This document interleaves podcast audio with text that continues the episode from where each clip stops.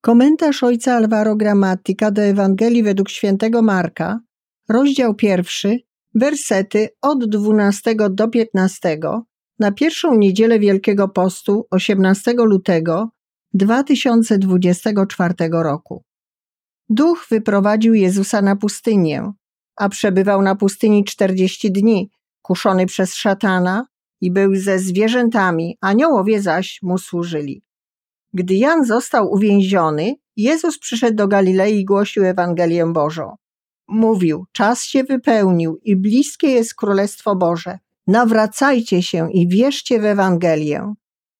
Na początku okresu Wielkiego Postu liturgia przedstawia nam fragment zaczerpnięty z Ewangelii Świętego Marka, który mówi o Jezusie, który po przyjęciu chrztu w Jordanie zostaje wyprowadzony przez Ducha Świętego na pustynię, gdzie będzie kuszony przez diabła przez 40 dni. Jest to bardzo zwięzły opis, ale wcale nie banalny. Na pierwszy rzut oka uderza fakt, że Jezus, który właśnie doświadczył stąpienia ducha, został przez tego samego ducha wyprowadzony na pustynię. Zamiast tego można by się spodziewać jakiegoś spektakularnego i charyzmatycznego początku misji. Nic z tych rzeczy. Przeciwnie, zaczyna się od pustyni i pokusy. Jak połączyć Ducha Świętego i pokusy, chrzest i pustynię?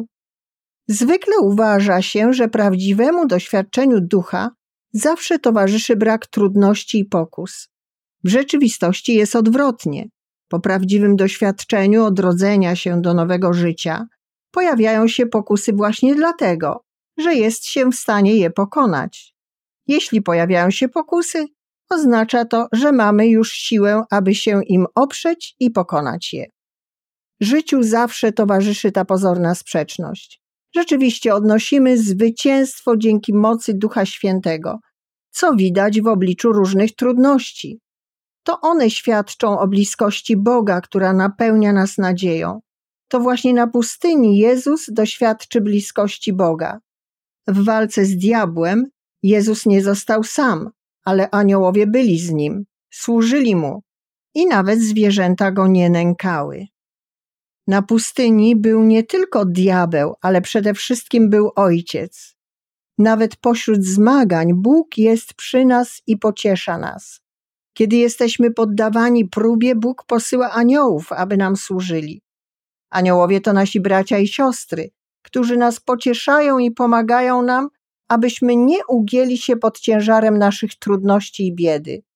Bez sióstr i braci nie jest możliwe stawienie czoła pokusom i przezwyciężenie ich. Nie mielibyśmy niezbędnej siły, a diabeł pokonałby nas, pogrążając nas w rozpaczy.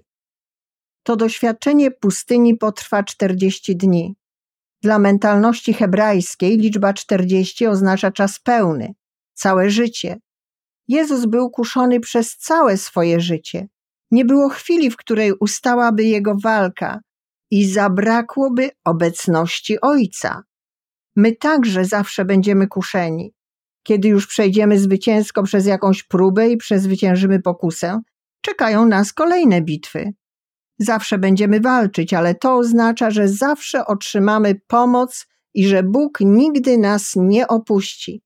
Oznacza to również, że zawsze będziemy potrzebować towarzystwa aniołów, sióstr i braci. Prawdziwą pokusą jest przekonanie, że jesteśmy niepokonani i samowystarczalni w ciągłym poszukiwaniu magicznego świata bez walki i zaangażowania.